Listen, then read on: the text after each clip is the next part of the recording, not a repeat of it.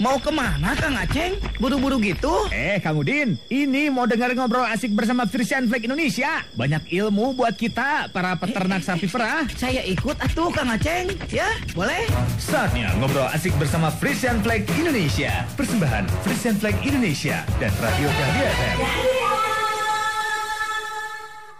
101,5 Dahlia FM Bandung Goyang si kasih Assalamualaikum wargi Dahlia. Halo apa kabarnya kawan peternak semuanya? Mudah-mudahan dalam keadaan sehat Mudah-mudahan dalam keadaan bahagia juga. Hari ini di hari Jumat tanggal 27 November 2020 Hadir lagi nih ada baby Alia Yang nemenin wargi Dahlia dan juga kawan peternak semuanya. Malam ini dia yang pastinya acara apa lagi dong? Kalau bukan acara radio Bawara Fashion Flag Indonesia ya. Dan pastinya wargi Dahlia ya Malam ini juga juga uh, kawasan Lembang ataupun Pangalengan juga mungkin masih diguyur hujan atau bahkan di Bandung sekitarnya lagi pada pantang juga lagi diguyur hujan lagi kedinginan gitu ya. Nanti bakalan diangetin sama informasi-informasi yang sangat bermanfaat sekali di Radio Buara Fashion Flag Indonesia ya. Program Radio Buara ini adalah salah satu program pengembangan peternakan sapi perah Fashion Flag Indonesia. Jadi program ini itu membantu setiap peternak untuk memperoleh pengetahuan, mendapatkan pendidikan dan juga bantuan informasi informasi agar susu yang dihasilkan ternaknya itu bisa lebih banyak dan juga berkualitas baik. Karena harus ingat susu yang berkualitas berarti peternak dan juga keluarganya sejahtera dong wargi dahlia ya. Makanya ya wargi dahlia wajib banget pantengin radio Bewara Fashion Flag Indonesia di hari Jumat ini. Karena pembahasan kita kali ini sangat menarik sekali wargi dahlia. Dan ada narasumber-narasumber yang begitu luar biasa sekali akan memberikan informasi yang bermanfaat untuk malam ini wargi dahlia ya. Pastinya juga juga nanti di akhir acara Baby Alia bersama dengan Frisian Flag akan bagi-bagi hadiah untuk wargi Dahlia yang beruntung hadiah dari Frisian Flag Indonesia ya. Malam ini di tanggal 27 November 2020 kita akan membahas seputar tantangan dan peluang koperasi peternakan sapi perah tantangan seperti apa sih yang harus dihadapi oleh para peternak untuk peluang koperasi ternak sapi perah ya? Dan pastinya wargi Dahlia juga nih untuk uh, kawan peternak yang ada di Lembang dan juga Pangalengan. Jangan lupa untuk uh, nanti bisa WhatsApp untuk kirimkan pertanyaannya di 0855 2111015. Sekali lagi di 0855 2111015 ya. Seperti yang Baby Alia bilang tadi ya, siaran malam ini sangat istimewa karena pastinya kita juga masih terhubung via telepon untuk ngobrol bareng sama narasumber untuk malam ini ya. Kita masih belum bisa ketemu, belum bisa ngobrol untuk langsung di Jalan Burangrang 28 Bandung. Jadi kita nanti akan terhubung dengan Bapak Evi Lutfilah selaku Fresh Mill Relationship Manager PT Fresh Flag Indonesia. Malam ini sudah terhubung dengan Pak Evi. Halo, selamat malam Pak Evi. Selamat malam, Assalamualaikum. Waalaikumsalam, apa kabarnya Pak Evi? Alhamdulillah hujan kayaknya di dia. Lagi di mana Pak Evi? di rumah. Di ah. rumah, Banjaran, Banjaran. Banjaran, Banjaran, Banjaran, hujan luar biasa ya. Pak Evi boleh disapa dulu nih kawan peternak yang di Lembang dan juga Pangalengannya yang lagi pada panteng. Ya, Wilujeng Wengi, peternak Pangalengan sarang KPSBU Lembang. Oke, peternak anu di eh, Jawa Timur ya Mm-hmm, Mungkin harus pakai bahasa Indonesia kali kalau Jawa Timur ya. Iya bener.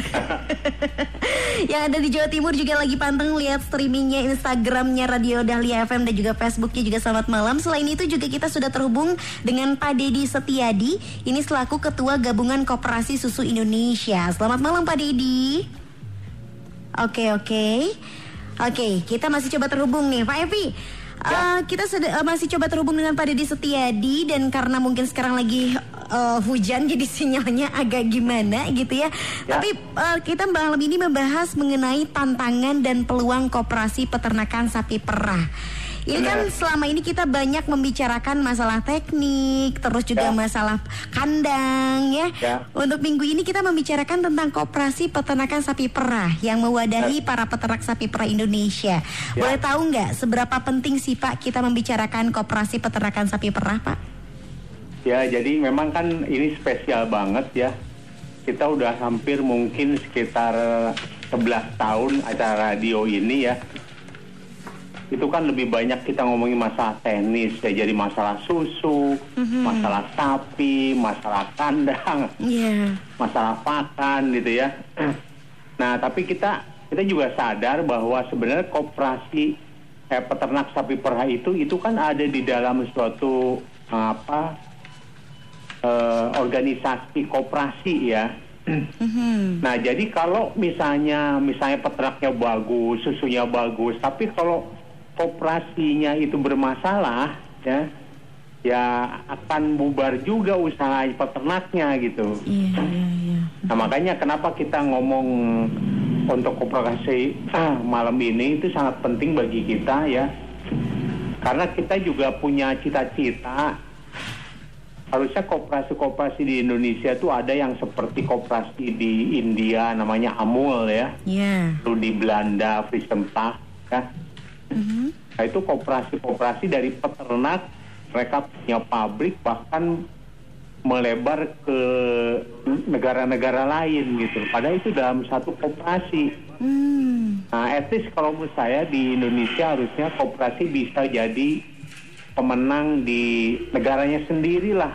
Iya, iya, iya. Sekarang kita tahu susu kita itu kan susu kebutuhan susunya hanya 20% disuplai sama susunya peternak ya. Hmm. Nah, ini kan sayang banget gitu. Sementara penduduk kita kan cukup besar ya. Potensinya itu sangat besar gitu. Iya, iya. Nah, kalau menurut saya untuk menjadi besar seperti itu, itu kooperasinya harus kuat. Mhm. Jadi kalau peternaknya sudah kuat ya, ya kooperasinya juga harus kuat karena kooperasi ini kan itu nanti yang akan membawa peternak. Iya, betul. Artinya gini, kalau peternaknya itu garagah gitu ya, pakai apa namanya udah pakai dasi, Mhm. tap- mobilnya misalnya mobil butut gitu kan, ya kan tuh maju-maju kena. Iya. Yang tidak sesuai dengan setelan ini ya. Mhm. Iya kan kasihan jadi peternak-peternak yang sudah apa namanya sudah hmm, siap gitu ya. Iya. Karena mereka dari segi ilmu sudah kita berikan ya dari segi pengetahuan lalu mereka praktekkan ya dengan kualitas susu akhirnya baik begitu baik dibayar sama pabrik kita itu baik. Tapi kalau kooperasinya nggak bener ya karena pengelolaan organisasi manajemen di kooperasinya nggak bener akhirnya uangnya itu dipakai yang nggak bener akhirnya peternak dapatnya sedikit Hmm. kan yang rugi juga peternak Peternak. sebenarnya Iya, benar benar benar benar. Ya. Ber- hmm, berarti antara penumpang dan juga kendaraan harus balance seiringan sejalan biar sama-sama saling Iya. diuntungkan ya. bener bener Oke, tadi berbicara mengenai suplai susu nih ya, boleh dipaparkan nggak siapa saja sih sebetulnya eh, supplier susu segar ke Frisian Flag Indonesia-nya sendiri? Ya, jadi kan kita terima susu itu pertama dari koperasi ya. Hmm. Nah, terus kita juga terima susu dari kelompok ternak Iya. ya. Nah, kita juga terima susu dari Megafarm ya. Nah, tapi sebenarnya yang Megafarm itu bukan tujuan utama. Dan mereka juga sebenarnya bukan tujuan utama mereka kirim ke industri ya, karena mereka juga ingin membuat produk sendiri ya. Nah, makanya acara kita kayak radio, kita punya Bewara Majalah, kita punya acara Farmer to Farmer ya. Hmm. Itu banyak program-program dari uh, susu bendera itu itu sebenarnya tujuannya untuk peternak dan bukan peternak yang megafarm ya. Karena kalau megafarm nggak usah didik lagi mereka semua tenaga kerjanya sudah berpendidikan. Mhm. Mereka juga rata-rata orangnya punya duit yang mereka rata-rata disekolahkan ya atau mereka misalnya yang ngapa ngambil pegawainya juga pegawai yang sudah pro- profesional ya. Mhm. Sementara kan di peternak ini kan masih seadanya seperti itu ya. Iya, iya. Makanya ini program-program kita ini tujuannya sebenarnya ke arah sana. gitu. Hmm, oke Karena baik. kita berhubungan dengan koperasi dan koperasi itu punya peternak gitu. Mhm. Ya, luar biasa sekali ya. Dan pastinya eh, Pak Epi berbicara eh, dari pihak industri nih. Kalau dari Pak Dedinya sendiri nih, kita sudah terhubung juga dengan Pak Dedi Setia. Edi, ini selaku Ketua Gabungan Koperasi Susu Indonesia. Selamat malam Pak Dedi. Selamat malam, Iya. Bebi. Apa kabar Pak Dedi? Alhamdulillah baik. Gimana kabarnya Mbak Bebi? Alhamdulillah sehat lagi di mana ini Pak Dedi? Di rumah. Di rumah. Di rumah. Oke, daerah Lagi ngahodot nih lagi ngahodot. ngahodot katanya Pak Epi. Pak Epi lagi rebahan. Betul, betul. Pak Dedi. Ya Pak Iti. Alhamdulillah ya kita masih bisa berkumpul via telepon nih. Tadi Pak Ya, Epi. Pak Didi tadi eh, kita masih membahas seputar koperasi ini ya, perkembangan koperasi di kita ataupun tantangan dan peluang koperasi peternakan sapi perah di Indonesia khususnya untuk di Jawa Barat sendiri dan juga Jawa Tengah ya. Nah, Betul, tadi Pak Epi betul. sudah membahas membicarakan tentang pentingnya koperasi, perannya koperasi gitu ya untuk para peternak semuanya untuk sama-sama saling bersinergi gitu ya. Nah, kalau dari Betul, Pak Dedi sendiri nih bisa tolong diceritakan nggak gimana sih sebetulnya kondisi koperasi peternakan sapi perah di Indonesia, Pak? Baik, Mbak Begi. Yang pertama bahwa koperasi di Indonesia ini sekarang berjumlah eh, dela- 16 koperasi di Jawa Barat, 15 koperasi di Jawa Tengah, dan 28 koperasi di Jawa Timur. Nah, anggotanya untuk sekarang ini 17.000 di Jawa Barat, 17.000 di Jawa Tengah, dan 41.000 di Jawa Timur. Mhm. Kemudian populasinya 65.000 di Jawa Barat, 42.000 di Jawa Tengah, 131 di Jawa Timur. Kemudian produksi susunya 490 459 ton di Jawa Barat, 165 ton di Jawa Tengah dan 18 ton di Jawa Timur per hari ya. Nah, koperasi ini eh, seperti disampaikan oleh Pak Eti tadi bahwa memang harus mulai bergerak karena ketika peternaknya sudah maju maka wadah koperasinya juga harus maju. Iya. Nah beberapa koperasi jadi saya sampaikan sekarang sudah mulai masuk ke digitalisasi koperasi. Mhm. Semua pakai digital. Nah atas kerjasama dengan Presiden Indonesia maka ada koperasi yang sedang sekarang sudah punya MCP Oke. milik collecting point penampungan susu yang bisa diakses langsung oleh para peternak lewat HP Androidnya. Hmm. Berapa produksi saya hari ini, berapa kualitasnya, berharga, berapa harga susu saya. Itu sudah ada lewat kerjasama dengan Presiden Bank Indonesia. Kemudian Lembang juga ada dairy village. Ada peternakan yang dikelola secara modern, perkandangannya modern, memerahnya pakai mesin, kemudian kandangnya juga pakai pistol, sapinya bisa jalan-jalan, Mhm. cuman enggak ke PPJ ya, jalan-jalan di tempat aja di sana. Di, eh, tapi sapi itu akan kelihatan menjadi sapi yang sehat, Iya. produksinya akan maksimal, kemudian eh, apa bodinya juga akan terlihat sangat manis dan umurnya akan panjang produktivitasnya. Mhm. Nah, koperasi ini sekarang sizingnya berbeda-beda. Ada yang 3000 liter per hari, ada juga yang 150 ton per hari. Jadi macam-macam ada yang 3 ton, 5 ton, 10 ton, 15 ton, 100 ton, 150 ton. Seperti itu perbedaannya, sizingnya aja yang berbeda. Mhm. Nah kemudian yang tadi dikatakan oleh Pak Evi bahwa manajemen koperasi itu harus manajemen yang profesional sekarang. Karena koperasi adalah sebagai badan usaha Mhm. sehingga perlu pengelolaan yang sangat profesional. Di istilah kami itu pengurusnya harus amanah, kemudian eh, karyawannya harus profesional dan anggotanya harus setia.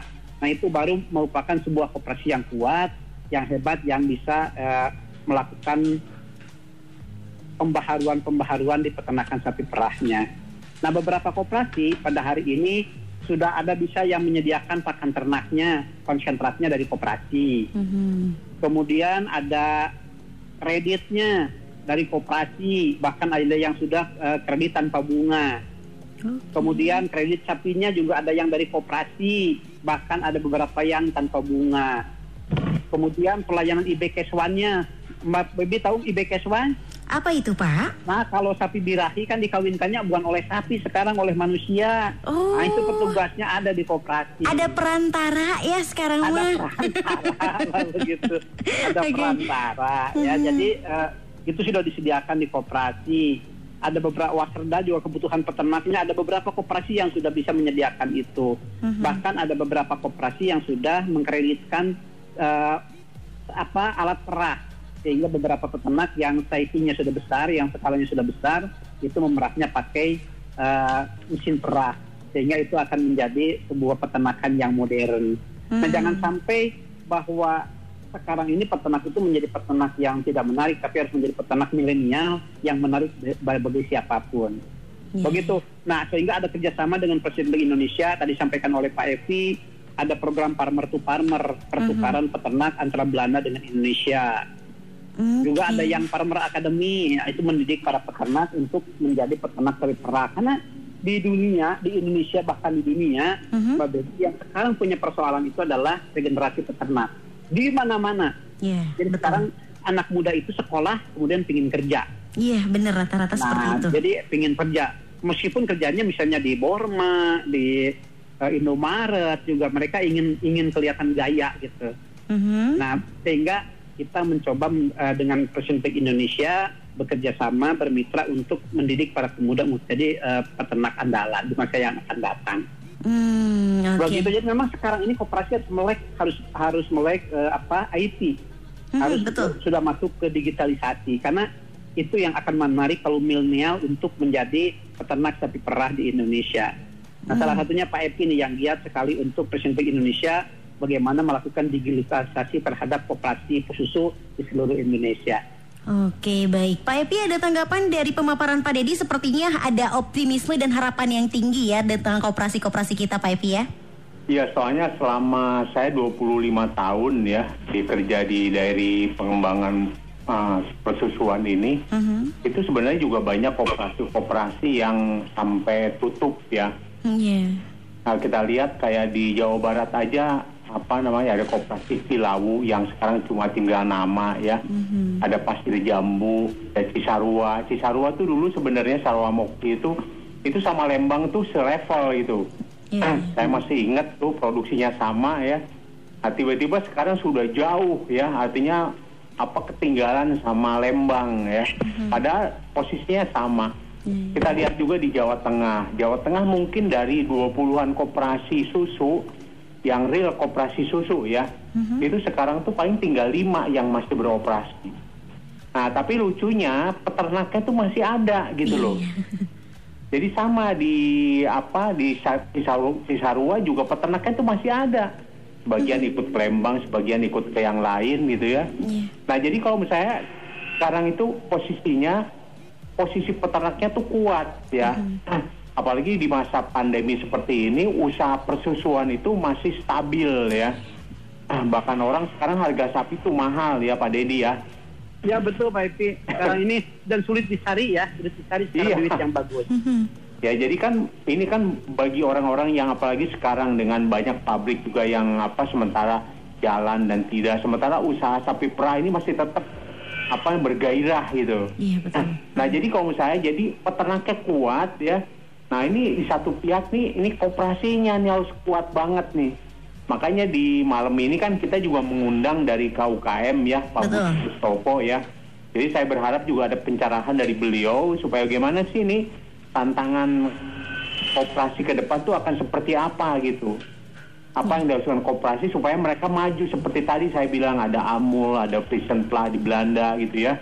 Yang itu itu- itu kooperasi mereka dan itu milik peternak gitu. Iya, luar biasa ya, saling bersinergi dan sama-sama kuat nanti juga akan menghasilkan bisnis yang besar juga untuk peternak dan juga semuanya ya, sama-sama Ya, betul, menguntungkan betul, ya. betul. Ya, Oke, betul. baik seperti apa yang Pak Epi bilang tadi nanti kita akan ada kehadiran Bapak Dr. Andes Budi Mustopo ini asisten deputi bagian perikanan dan peternakan Kementerian Koperasi dan UKM RI ya.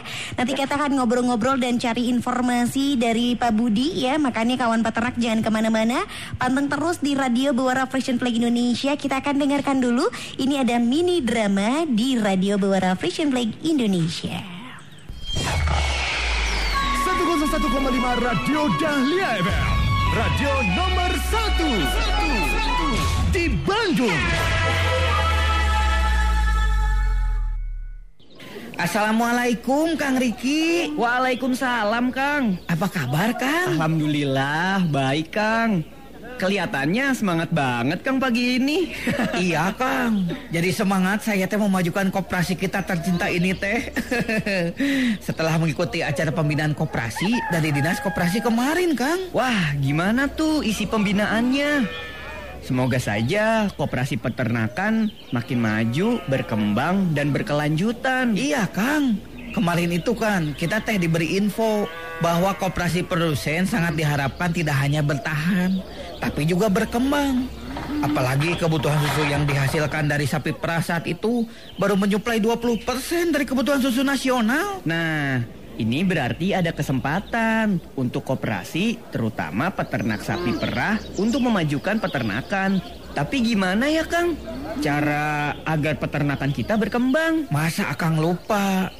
Nih ya Kang, kita waktu itu juga dapat pelatihan dari FFI seperti farmer to farmer dan lain-lain. Nah, itu adalah cara agar kita sebagai peternak teh harus berstrategi dalam beternak sehingga usaha kita teh efektif, efisien dan tentu saja menguntungkan. Bener Kang Aldo. Karena kalau koperasi secara organisasi dan peternak sapi sebagai anggotanya terus-menerus aktif belajar dan membuka diri untuk hal yang baru, untuk perkembangan dan kemajuan, maka otomatis koperasi tercinta kita juga akan semakin maju. Tentunya dengan dukungan pihak lain juga diperlukan, seperti pemerintah dan industri sebagai mitra kerja. Sepakat Kang Toto. 101,5 Radio Dahlia FM. Radio nomor 1 di Bandung.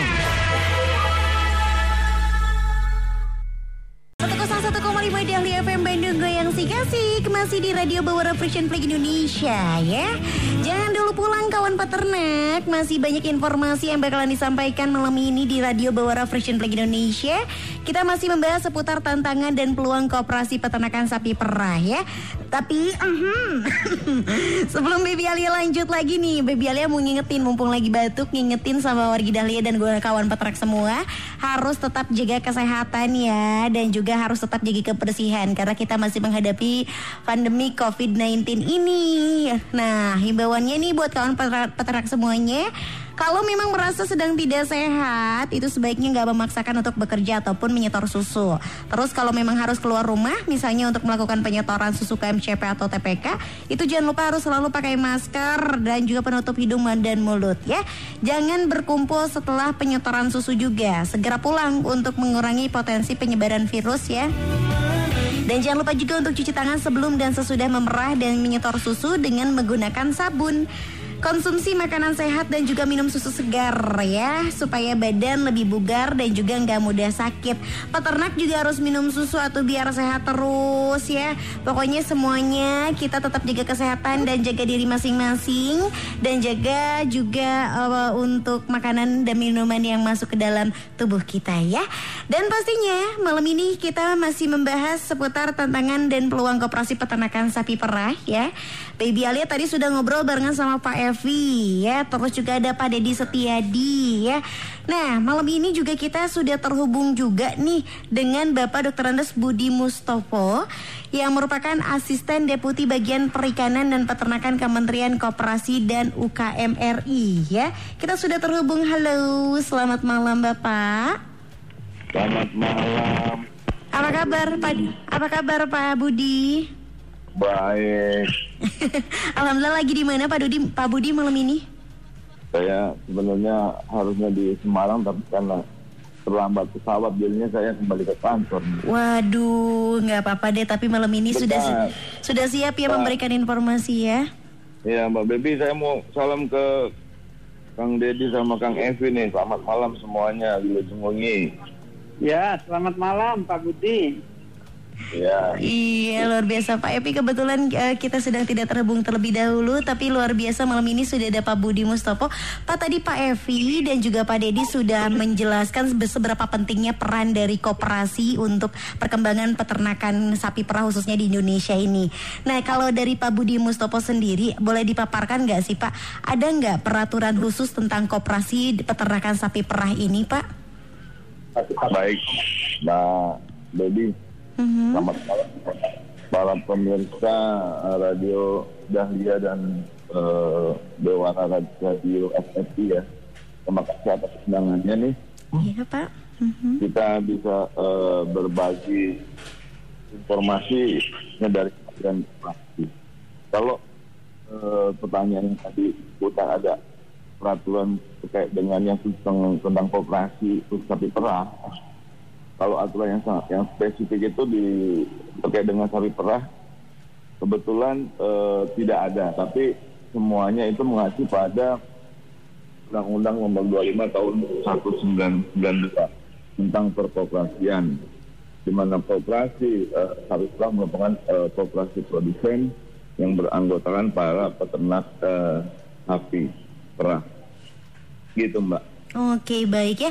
Eh, Tapi ada ini nggak ada monitor atas koperasi koperasi peternakan sapi perah selama ini? Apakah ada monitoring atau memang se- seberjalannya saja Pak? Kalau dari pemerintahnya sendiri seperti apa Pak?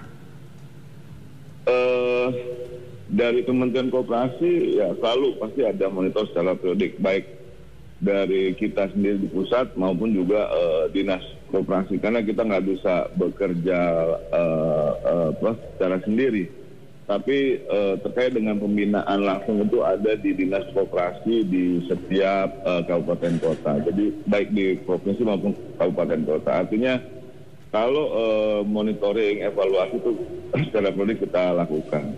Hmm, oke baik ya. Tadi saya sempat mendengar Pak Epi sempat bahas kalau di Jawa Barat ini memang sudah ada beberapa koperasi yang sampai tutup gitu ya Pak. Sudah lumayan banyak yang sampai tutup. Nah, kalau nanti nih di masa-masa tertentu mereka mengalami masalah Gimana nih Pak supaya tidak ada koperasi peternakan sapi perah lagi yang tutup di masa yang akan datang Pak? Baik. Eh, Kementerian Koperasi sampai saat ini juga punya program-program terkait dengan tadi sudah disampaikan oleh Pak Dedi bahwa Pak Evi juga bahwa eh, peningkatan kapasitas eh, SDM koperasi itu perlu di- dijaga dan ditingkatkan. Dan melalui deputi kami ada deputi pengembangan SDM di situ salah satu kegiatannya adalah memberikan pelatihan-pelatihan kepada pengurus pengelola koperasi. Ada pelatihan manajerial tadi, kemudian juga ada eh, pelatihan untuk eh, pengurus, untuk eh, manajer, terus kemudian juru buku, kemudian kasir itu menda- untuk mendapatkan eh, sertifikasi kompetensi. Artinya di sini kita berusaha untuk meningkatkan me- eh, kapasitas SDM daripada koperasi itu sendiri. Tentunya dengan harapan eh, kompetensi itu bisa menjaga keberlangsungan daripada pengelolaan manajemen usaha di koperasi, khususnya koperasi eh, termasuk koperasi peternak sapi. Begitu Mbak. Oke baik, Pak Dedi Setiadi ada tambahan nggak Pak mengenai pembinaan apa saja yang sudah dilakukan oleh pemerintah mengenai tema kita malam ini Pak? Pak Dedi? Oh iya, baik saya mundur sedikit Mbak. Diki. Tadi juga benar kata Pak Eki bahwa dulu kita ini punya 105 koperasi. Iya. Sekarang tinggal 59 koperasi. Nah, jadi koperasi yang 59 sekarang ini juga ada tiga kriteria. Mhm. Yang pertama ada yang maju, Iya. ada yang sedang, dan ada yang kurang. Oh, iya. Nah ini eh, konteksnya adalah eh, kalau yang maju tadi itu yang saya ceritakan. Jadi manajemennya sudah profesional, digitalisasi, kemudian eh, berbasis komputer semuanya. Kalau yang sedang ini ya ada yang sebagian komputer dan sebagian yang manual. Kemudian yang kurang malah ada yang masih manual. nah atas itu jadi memang kami butuh bantuan dari pemerintah. Dan tadi bahwa pembinaan dari pemerintah itu adalah ada tentang pelatihan tentang perkoperasian. Kemudian ada juga sekarang NIK dibuat secara eh, nasional bahwa sekarang NIK operasi itu berurutan dari eh, satu sampai dengan nomor seterusnya. Dan itu sudah secara nasional. Kemudian juga ada beberapa pelatihan dari Kementerian Koperasi lewat eh, Dinas Koperasi Kabupaten dan eh, Provinsi yaitu tentang akses permodalan. Mhm. Nah, dan sekarang ada koperasi ini diperuntukkan khusus dari LPDB, lembaga lupa lagi saya lupa, lembaga yang di bawah Kementerian Koperasi dan memang bunganya juga untuk pemulihan ekonomi sekarang hanya tiga persen efektif. Oke. Nah, sehingga ini benar-benar menjadi bisa diakses dan sekarang itu LPDB ini khusus untuk koperasi. Hmm, iya, iya. Ya di bawah ke Kementerian Koperasi. Kemudian yang disampaikan Pak Budi tadi juga ada tentang sertifikasi koperasi. Sehingga koperasi ini juga eh, apa ada ada kelasnya gitu, ada kelasnya.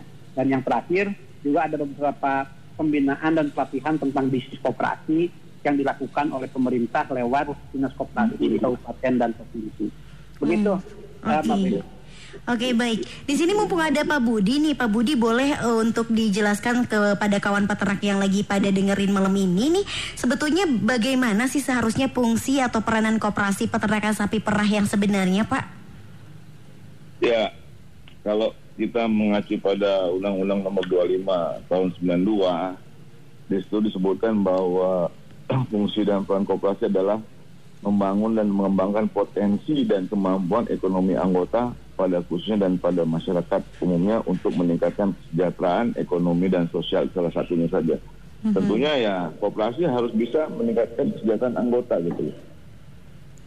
Di sini kooperasi kan mengkonsolidasi anggota-anggota. Anggota butuh pakan bisa dari kooperasi tadi saya sebutkan. Kooperasi butuh sampai tadi IB segala pada dibilang juga juga dipenuhi oleh anggota. Artinya semua kebutuhan uh, daripada peternak itu bisa difasilitasi melalui uh, sampai kebutuhan modal juga. Hmm. Juga tadi menambahkan juga Mbak uh, yang tadi disampaikan Pak Dedi tadi bahwa hmm. Kementerian Koperasi juga punya BLU yang namanya LPDB. LPDB adalah lembaga pengelolaan dana bergulir di mana di mana uh, untuk mengakses pembiayaan kredit dengan bunga rendah. Kalau yang tadi disampaikan uh, dalam pemulihan ekonomi nasional bunganya hanya tiga persen. Kalau reguler sampai dengan empat setengah persen. Artinya di sini memang pemerintah juga uh, telah melakukan upaya-upaya bagaimana memberdayakan uh, kooperasi untuk kesejahteraan uh, anggotanya. Juga uh, Kementerian Kooperasi sejak tahun 2015 membuat uh, sertifikat NIK, Mbak. Oke, okay. seperti apa NIK itu? ini ini, ini nomor induk kooperasi di mana di situ ada penilaian setiap tiga tahun sekali. Artinya untuk menjaga kesehatan daripada uh, kooperasi tersebut. Hmm, oke okay, baik ya. Kalau dari Pak Dedi ada tambahan Pak Dedi? Ya, jadi uh, memang karena koperasi kita ini dibagi menjadi tiga, maju, mm -hmm. sedangkan kurang, yeah. memang kolaborasi antara koperasi, Kementerian Koperasi dan industri pengolahan susu menjadikan sebuah koperasi ini maju menjadi sebuah keharusan. Karena mm. kolaborasi ini menjadi sangat penting, di mana semua uh, tertuju pada bagaimana memajukan peternak dan bagaimana memajukan koperasi. Sehingga mm -hmm. peternak yang ada dalam wadah koperasi ini sesuai uh, keinginan Pak Budi dan Pak Epi tadi bisa uh, meningkat kelasnya, kemudian bisa meningkat kesejahteraannya dan peternakan sektoral ini menjadi sustain, menjadi berkelanjutan. Oke baik, nah Pak Budi Mustopo dari Kementerian Koperasi dan juga UKM RI selaku dari pihak Kementerian Koperasi nih Pak, harapannya ke depan untuk koperasi peternakan sapi perah di Indonesia seperti apa Pak? Ya harapannya di mana salah satu fungsi ah sorry harapannya ya memang harus tetap eksis enggak dan hmm. kalau dari dari cerita mendengar Pak Dedi Pak Evi kami sangat sangat optimis bahwa uh, kooperasi persusuan Indonesia ke depan ini akan membawa kesejahteraan bagi uh, anggotanya dan sangat berharap bahwa dengan adanya uh, bertumbuhnya ya kita sudah harus sudah harus juga memikirkan bagaimana bukan hanya berkembang tapi juga bertumbuhnya kooperasi-kooperasi peternakan di eh, peternakan sapi perah di Indonesia khususnya itu bisa meningkatkan uh, substitusi impor yang memang sampai saat ini kan dari dulu tuh masih uh, 20 persen, 80 persennya ekspor. Kita harapkan dengan banyak berkembangan dan dan bertumbuhnya kooperasi-kooperasi uh, peternak sapi perah di Indonesia itu akan kita akan mencapai uh, mensubstitusi impor kebutuhan impor susu susu sapi yang lebih besar lagi. Iya, amin semoga ya. Kalau dari Pak Dedi, Pak Dedi harapannya um, untuk operasi perah peternakan sapi di Indonesia seperti apa, Pak? Ya, yang pertama kami berharap bahwa sekarang ini ada kebijakan lahan dari pemerintah, mm-hmm. yaitu penggunaan lahan perhutani dan perkebunan untuk penanaman rumput bagi kebutuhan peternak. Karena sapi sebagai ternak ruminansia, makanan pokoknya adalah rumput. Dan sekarang faktanya di Indonesia peternakan sapi perah rakyat itu hanya memilih 70% tidak memiliki lahan rumput. Yeah. 20% punya lahan tapi tidak cukup dan hanya 10% saja yang punya lahan dan cukup. Mhm. Tapi bagaimana kekuatan peternak selama 45 tahun ini mereka tetap hidup, bertahan dan terus maju. Sehingga menurut saya kalau ada kebijakan lahan, saya yakin peternakan peripheral Indonesia akan maju dan swasembada susu yang dicita-citakan pemerintah akan semakin dekat terhadap tujuan. Mhm. Nah, yang kedua bahwa dalam penambahan sekarang kan kepemilikan saya sampaikan tadi baru 3-4 ekor Iya. peternak perah rakyat ini.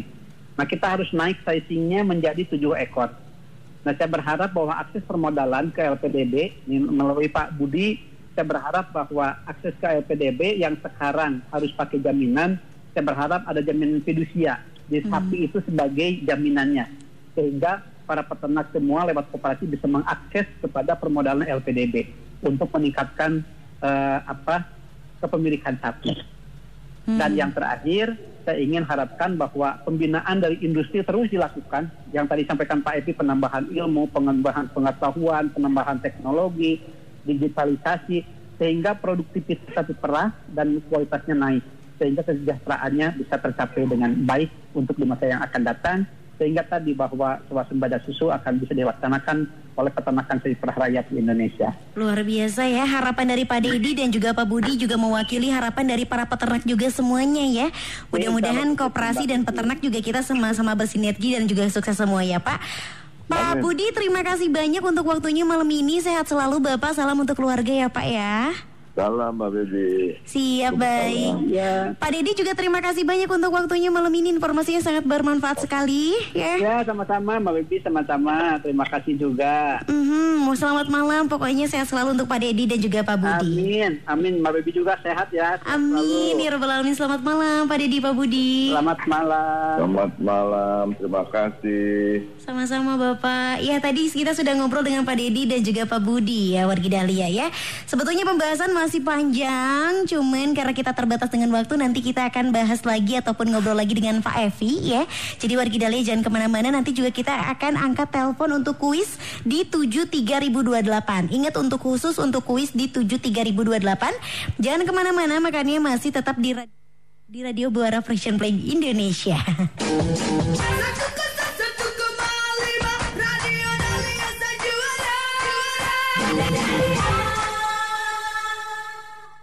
Satu lima Dahlia FM Bandung Goyang si Kasih. Masih di Radio Bora Frisian Play Indonesia. Wargi Dahlia yang mau dapetin kuisnya atau hadiah dari Frisian Play langsung aja telepon di 73028 wargi Dahlia. Baby Alia bakalan kasih pertanyaan untuk wargi Dahlia ya.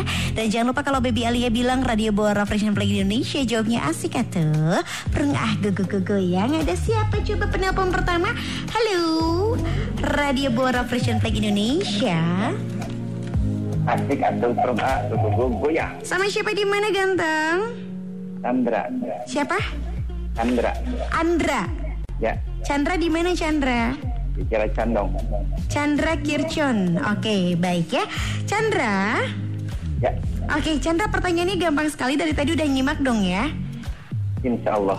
Sebutkan salah satu fungsi koperasi bagi peternak di Indonesia. Eh, yang, yang saya ingat tadi sebagai eh, pengelola susu dari para peternak. Tadi kan ada istilah MCP, Milk Collection Point itu kan di Oke, koperasi. baik. Pak Evi gimana Pak Evi? Jawabannya? Oh belum. Oke. Gimana? Oke, ya udah, ya udah, ya udah. Oke, Sa- itu salah satunya. eh, Pak Evi, halo. Ya, Manga. Gimana jawabannya betul tidak Pak Evi? Ya betul, betul, betul. Betul sekali Kang Chandra. Selamat hadiahnya bisa diambil ke Radio Dahlia di jam kerja ya. Ya, terima kasih Teh. Makasih Panteng Radio. Pantang Dahlia, enak-enak lagunya Dahlia, perma gugu gugu ya. Oke di belakangnya Kang Chandra juga masih boleh satu lagi Karena Version Play bagi-bagi dua hadiah untuk malam ini. Ada siapa coba? Halo. Oke Sorry sorry sayang. Di 73028 dicoba lagi ya. Ada siapa coba baby alianya? Halo. Radio Bora Play Indonesia Asik atuh Asik atupung ah, Go go go go ya asik atupung ah, go go go go go go ya. Sama siapa di mana baby? Sama siapa ini? Denny Banyaran. Denny? Kang Denny di Banjaran? Ya, Kang Denny coba sebutkan salah satu fungsi dari koperasi untuk peternakan di Indonesia. Ayo Kang Denny. Ya.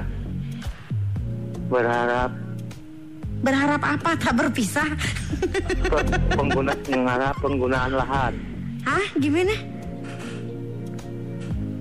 S- Ayo, saya kasih Penggunaan kesempatan. lahan untuk rumput. Apaan? Ada ada pilihannya. Gak ada. Kalau- Gimana, Mak? Saya kasih semp- kesempatan satu kali lagi kalau nggak bisa jawab kita ke penelpon berikutnya ya.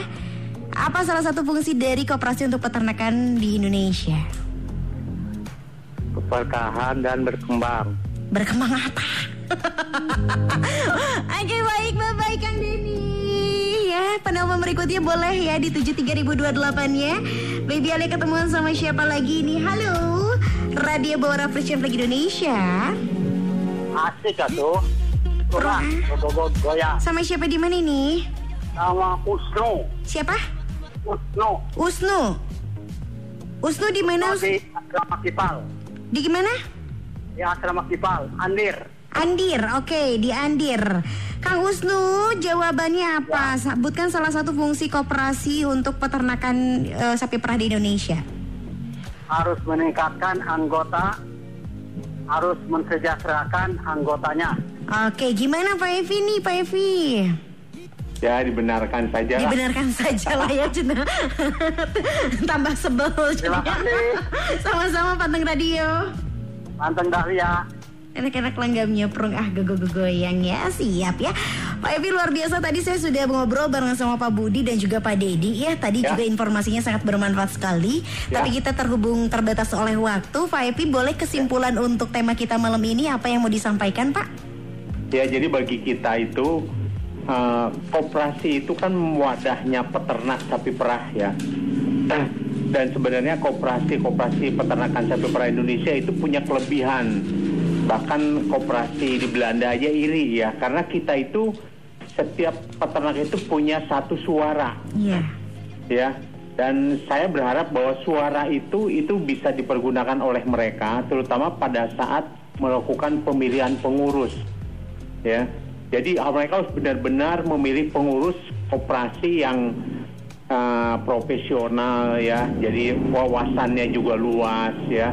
Ke depan artinya ingin mesejahterakan peternaknya itu secara benar ya. Jadi bukan kayak kita sering dengar pemilu-pemilu apa namanya asal orang asal dikasih kaos atau dikasih uang 25.000 ribu langsung Iya. memilih apa namanya yang eh, di apa yang di, dipilihnya gitu ya. Jadi karena koperasi ini kan masa depan bagi peternak ya. Jadi peternak harus benar-benar menggunakan partisipasinya itu di koperasi agar koperasinya itu maju. Karena koperasi maju itu sangat tergantung ke peternaknya sendiri sebenarnya. Yang pertama adalah bagaimana peternak memilih pengurus-pengurusnya itu sehingga dia bisa uh, koperasinya itu bisa lebih maju gitu. Mhm, Iya Ada lagi Pak yang mau disampaikan? Eh, sementara itu. Oke, baik ya luar biasa. Pak, karena kita terhubung dengan eh, terbatas dengan waktu ya. Terima kasih banyak untuk informasinya malam ini. Pak Epi mudah-mudahan diberikan kesehatan selalu ya, Pak ya. Amin, amin. Iya, salam juga untuk rekan-rekan FFI yang lainnya ya, Pak ya. Ya, mangga, mangga, mangga. Siap, selamat malam Pak Epi. Selamat malam. Iya baik ya. Luar biasa ya Para peternak malam ini sangat menyimak baik-baik. Mudah-mudahan ini juga menjadi bekal Untuk kesuksesan para peternak di Indonesia Khususnya ya. Mudah-mudahan juga selalu diberikan kesehatan Supaya bisa terus produktif Untuk memberikan eh, kualitas Ataupun memproduksi susu-susu yang berkualitas Untuk eh, kemajuan Ataupun kesehatan Dari anak-anak bangsa kita ya. Amin. Pokoknya sukses, sukses selalu untuk kawan peternak semuanya. Sukses juga untuk koperasi-koperasi peternakan di Indonesia dan pastinya selalu saling bersinergi untuk sama-sama mensukseskan dan saling memberikan keuntungan satu sama lainnya ya. Baik, Baby Ali harus pamitan dulu di Radio Bora Fresh Flag Indonesia-nya. Kita ketemu lagi di dua minggu yang akan datang. Pastinya semua hal yang disampaikan oleh narasumber ini telah dilakukan oleh banyak hal, banyak peternak dengan hasil yang baik. Tinggal bagaimana peternak Indonesia berani dan mau mencobanya dan lakukan perubahan secara bertahap karena ingat kesuksesan itu butuh pengetahuan dan juga keberanian ya. Sampai ketemu lagi di tanggal 11 Desember 2020. Ajakin peternak lainnya untuk pantengin Radio Bawara Fresh Flag Indonesia ya. Lady Alia pamit sementara, ketemu lagi sebentar lagi di KIP Dahlia. Sukses untuk peternak Indonesia. Panteng Radio Panteng Dahlia. Enak-enak lenggamnya Dahlia. Perung ah, ge-ge-ge, goyang. Kang Udin, Kang Udin. Mo. Kang Udin mah, hayu atuh Kang pulang. Ngobrol asik bersama Frisian Flag Indonesia nya udahan. Terus gimana tuh saya? Tenang, ngobrol asik barengan Frisian Flag Indonesia bakalan balik lagi tiap hari Jumat dua minggu sekali. Persembahan Frisian Flag Indonesia dan Radio Dahlia FM. Dahlia.